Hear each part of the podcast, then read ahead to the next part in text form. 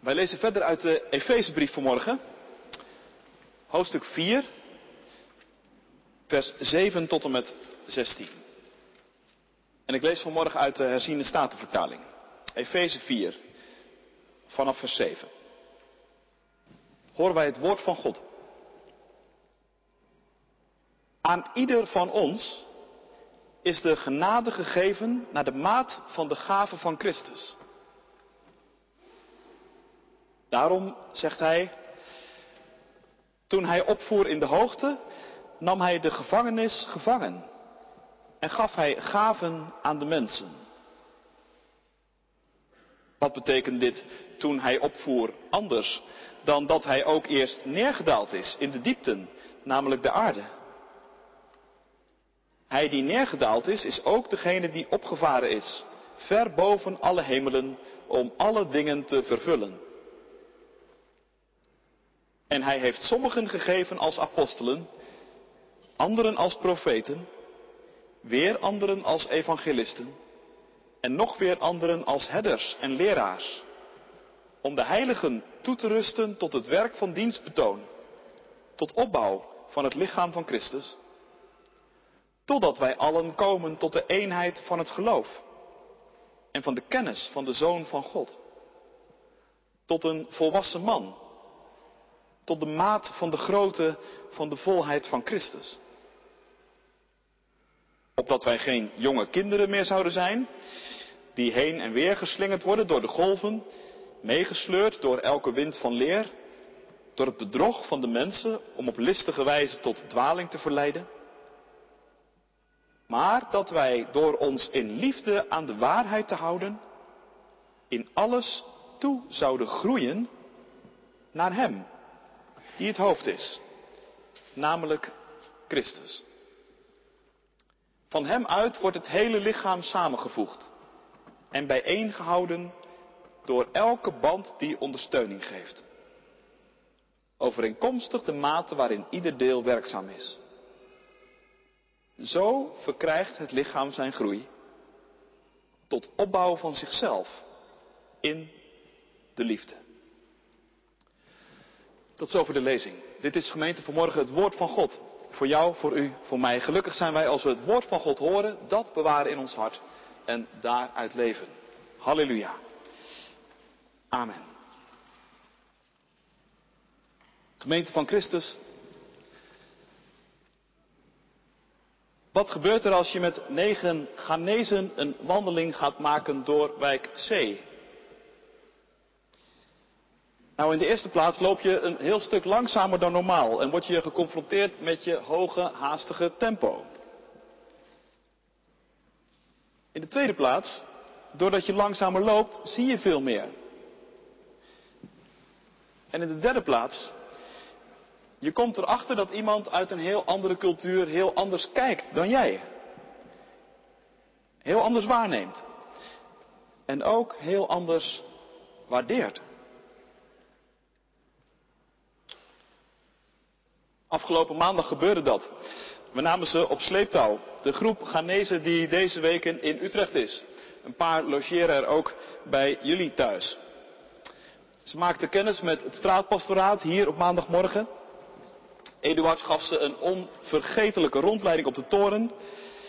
En Willem-Jan nam ze mee de wijk in. We hadden een kijkvraag. Waar zie jij nou sporen van het koninkrijk van God? En het gesprek hierover na afloop was heel leerzaam. En ook wel confronterend, eerlijk gezegd.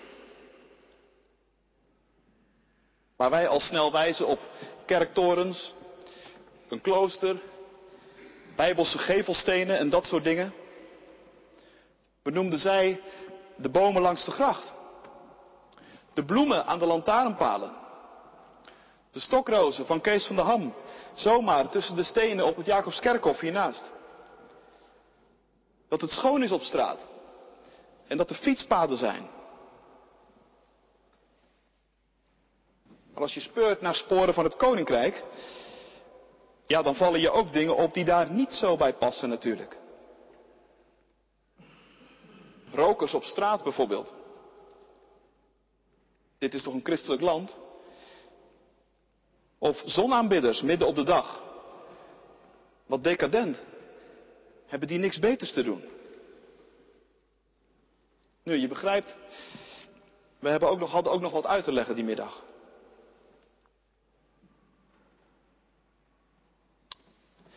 En wat heeft dit allemaal te maken met Efeze 4? Nou, in dat hoofdstuk gaat het over de kerk en over de gemeente. Het gaat over mensen die de stem van Christus hebben gehoord in hun leven en daar niet langer onderuit kunnen. En toen ik van de week opnieuw bezig was met dit hoofdstuk, moest ik terugdenken aan afgelopen maandag. Want ook als het over de kerk gaat, is zien en zien twee.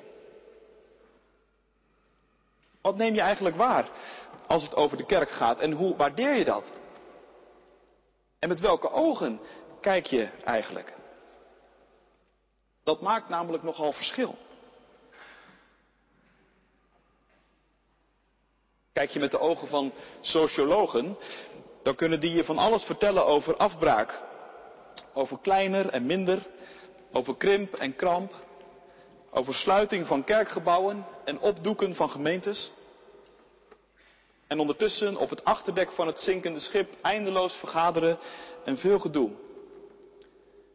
Je zou er geen stuiver meer voor geven. De kerk, hoorde ik laatst iemand zeggen, doet me regelmatig denken aan watertrappelende kinderen. Met moeite weten ze nog net hun hoofd en twee vingers boven water te houden. Maar het moet niet te lang meer duren. Tja. En alsof dat nog niet genoeg was, ook deze week in een landelijk dagblad brak iemand nog eens de staf over de geschiedenis van christelijk Europa en over de rol van de kerk en christenen daarin. Citaat. Van nature is de kerk intolerant en wantrouwig tegenover nieuwe ideeën. Vervuld van eigen superioriteit. Omdat alles wat we weten moeten in een onfeilbaar heilig boek staat. Aan ons geopenbaard door het opperwezen. Einde citaat. Nou ja, denk je dan. Wanneer zou die persoon dat heilige boek voor het laatst echt eens open hebben geslagen? En de moeite hebben genomen om door te lezen tot aan Efeze 4. Want daar tapt de schrijver, ik houd het maar even op Paulus, als het over de kerk gaat, toch wel even uit een ander vaatje. En waarom zou die stem het niet verdienen? Om gewoon eens even onbevooroordeeld naar te luisteren. Paulus naar de kerk kijkt, naar de gemeente van Christus, dan ziet hij geen watertrappelende kinderen. En ook geen geestelijke gevangenis. Je zou natuurlijk kunnen denken, Paulus is vooringenomen. Hij is voor dat soort dingen blind. En hij preekt vooral voor eigen parochie. Nou, ik ken eigenlijk amper documenten die niets ontziender en eerlijker zijn over de realiteit dan de brieven van Paulus. En dat Paulus hier dus toch andere dingen ziet, dat is geen bedrijfsblindheid, maar dat is helderziendheid. Paulus kijkt met de ogen van Christus. En dan doet hij een fascinerende waarneming. En daarvoor heeft hij een oud citaat nodig uit Psalm 68. Psalm 68 is een psalm waarin Israël God prijst vanwege zijn reddende ingrijpen. De vijand, denk bijvoorbeeld aan Egypte, had het nakijken. En God maakte hen als het ware krijgsgevangen, waardoor ze Israël wel moesten laten gaan. Een tandenknarsend bakzeil moesten halen. Dat kun je vinden in Psalm 68. En met, met dat beeld gaat Paulus hier wat spelen. Want, zo vraagt hij zich af, is dat niet kort geleden opnieuw gebeurd? Heeft God in Jezus en in het geheim van Pasen niet op die manier opnieuw reddend ingegrepen? En waren het deze keer de machten van de dood en van het kwaad die op de paasmorgen het nakijken hadden? Zijn die niet krijgsgevangen gemaakt? Ja, de vraag stellen is haar beantwoorden. Natuurlijk is dat gebeurd. De machten die jou als mens klein houden. Die je een slaaf maken van je begeerten. Die het leven met God en het leven met elkaar onmogelijk maken. Die machten die liggen sinds Pasen aan de ketting. Ze zijn krijgsgevangen gemaakt. Hun speelruimte is niet langer meer onbeperkt. En is de wacht aangezegd. Er is een goddelijke staatsgreep gebeurd, las ik bij iemand. Een geniale goddelijke staatsgreep. De belangrijkste vrucht van die geniale goddelijke staatsgreep is de kerk. Want de kerk is de plek waar dat je verkondigd wordt. Waar tegen jou gezegd wordt, luister goed. Al is je leven nog zo'n chaos. Al loop je helemaal vast. Al ben je te trots om toe te geven dat je het in je eentje gewoon niet redt. Al knaagt je geweten. Al zit je zo wanhopig nog gevangen in je eigen denken of in je eigen verlangens. Al vliegt het leven je van tijd tot tijd naar de keel. Weet dit. Het is Pasen geweest. Dat wat jou gevangen houdt, is zelf gevangen genomen. Er is iets nieuws begonnen.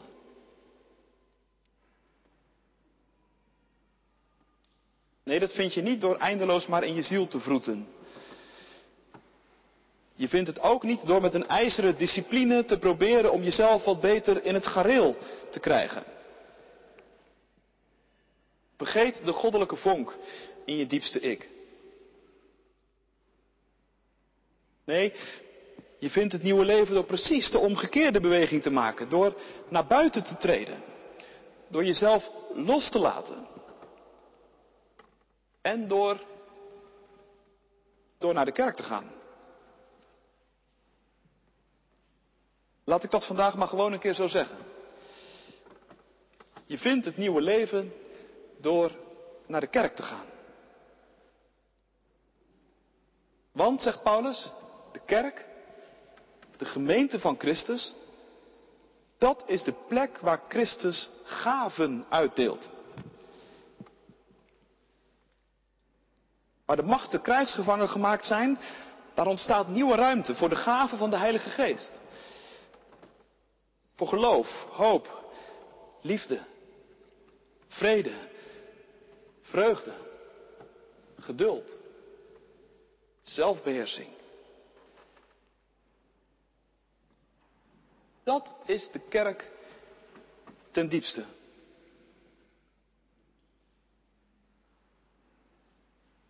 En om eerlijk te zijn,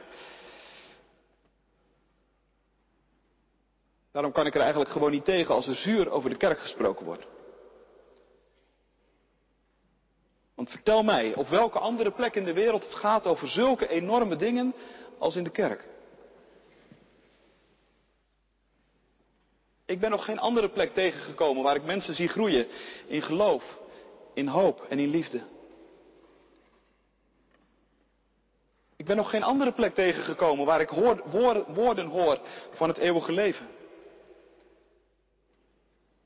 Geen andere plek waar ik dieper gepeild word en tegelijkertijd de hoop niet hoef te verliezen dan in de kerk. Waarom zijn we gewoon niet wat trotser? op de kerk.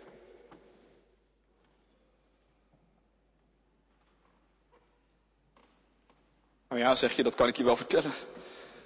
De kerk is ook de plek van de kleinburgerlijkheid en van de clichés. En van de doodvermoeiende discussies en van de flauwe zweverigheid. Van het gehamer op de moraal. Van het misbruik. Van de angstige behoudzucht. Vind je het gek dat de kerk er vandaag de dag niet goed op staat?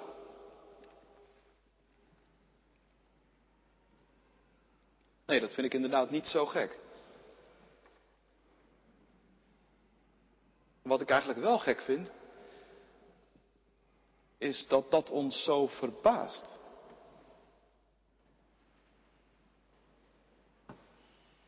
Wie heeft ons ooit verteld dat de kerk een museum voor heilige beelden is? De kerk is toch de plek waar Christus het uithoudt met zondaars? Als dat zo is, dan is de kerk dus een plek waar een enorm hoge concentratie zondaars is. En een hoge concentratie zondaars betekent ook een hoge concentratie zonde. Dus zo beschouwd is het helemaal niet zo gek dat de kerk af en toe een zootje is.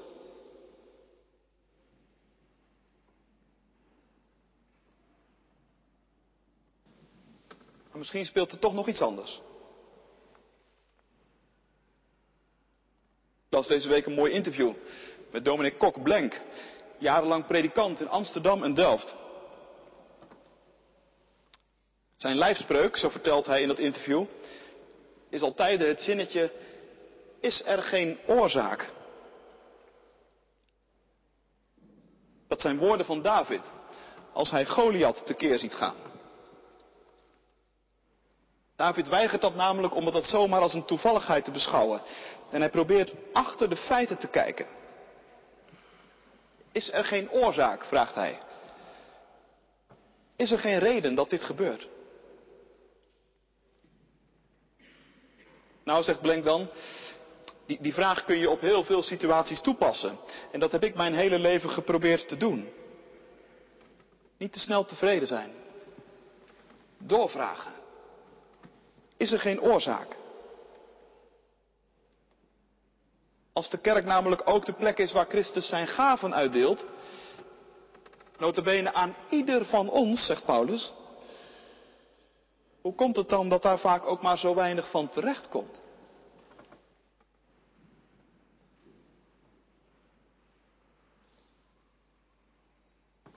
Ik denk dat het helpt om op een antwoord op die vraag even verder te lezen.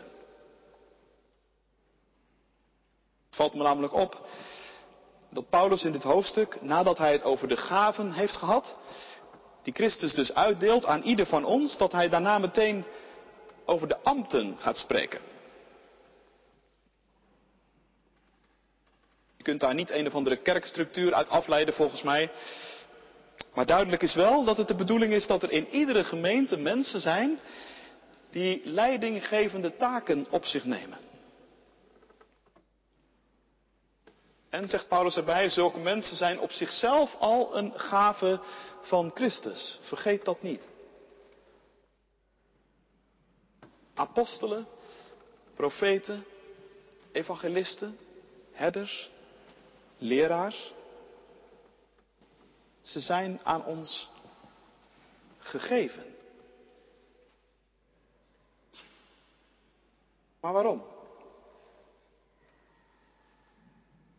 Niet zomaar voor de aardigheid. Niet om een soort geestelijke elite te creëren waar anderen dan vol bewondering of afgrijzen naar mogen kijken. Nee, vers 12. Er zijn ambten met als doel de volmaking van de heiligen in hun bediening, schrijft Paulus. En de opbouw van het lichaam van Christus. Kijk, daar komen ze dus bij elkaar. De gaven aan de ene kant en de ambten aan de andere kant. Ambtsdragers en leidinggevenden zijn er om ervoor te zorgen dat de gaven die Christus aan de kerk geeft ook echt tot zijn recht komen.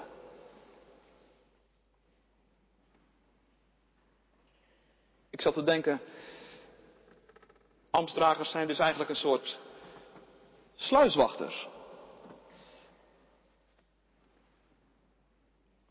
Als je jongens en meiden hier op de gracht gaat kijken bij de weersluis, dan zie je aan de kant waar het water het laagste is, voortdurend water door de kieren lopen. En je merkt dus dat er druk op die deuren staat.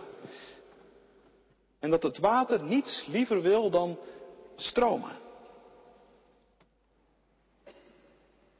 En als die sluiswachter dan komt en hij begint die schuiven langzaam open te draaien, dan kolkt het en bruist het. En dan krijgt het water de kans om te doen wat het eigenlijk altijd al wilde doen. Stromen.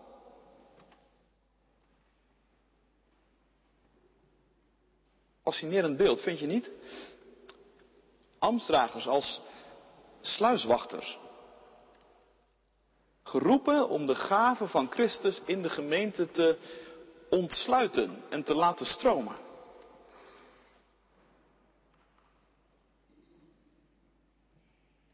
Nu ja, daar mag je mij dus op aanspreken in de tijd die komt.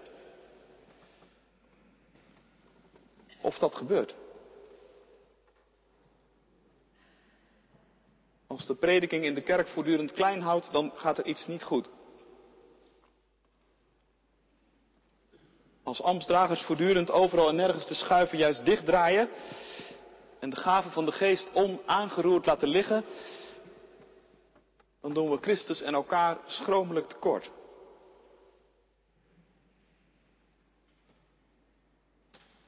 Maar andersom, zou ik vanmorgen in alle eerlijkheid ook gewoon aan jullie willen vragen. Doe mee. En laat je ook ontsluiten, om het zo te zeggen. Laat de schuiven in je leven ook echt opendraaien.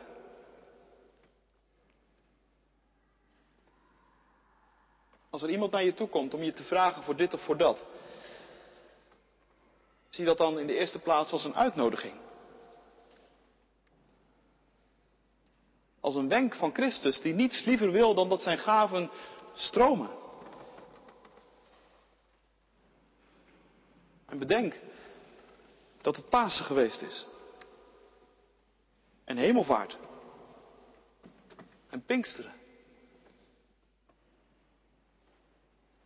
En overweeg de komende week die woorden van Paulus nog eens. Dat Christus zijn gaven heeft gegeven aan ieder van ons. Dus ook aan u en ook aan jou.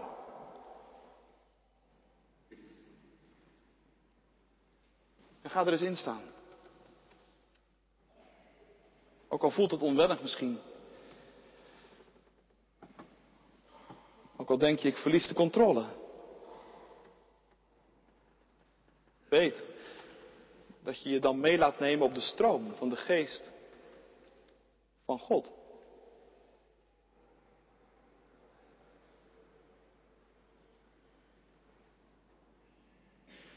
En waar die geest van God ons dan precies brengt en hoe. Hoe, dat weet je niet van tevoren.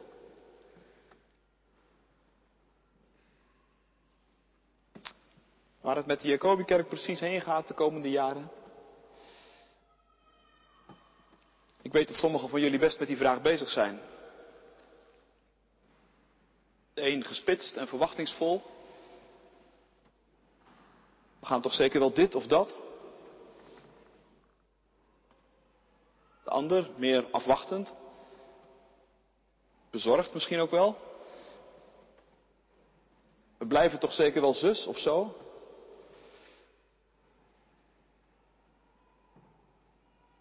Maar dacht ik, zou het ook kunnen dat dat dus niet de belangrijkste vragen zijn? Waar het naartoe moet, dat vertelt de apostel in vers 15. Door ons in liefde aan de waarheid te houden, groeien wij toe naar Hem die ons hoofd is. Christus. Linksom of rechtsom? Het gaat dus naar voren. We gaan Christus en zijn toekomst tegemoet. En dat lijkt me eerlijk gezegd de enig denkbare koers. Christus roept ons. Deelt ons van zijn gaven. Het doet ons groeien in zijn richting. En in die beweging laten we ons meenemen. Aan die groei wil ik me geven. Met heel mijn hart. Jij toch ook? Amen.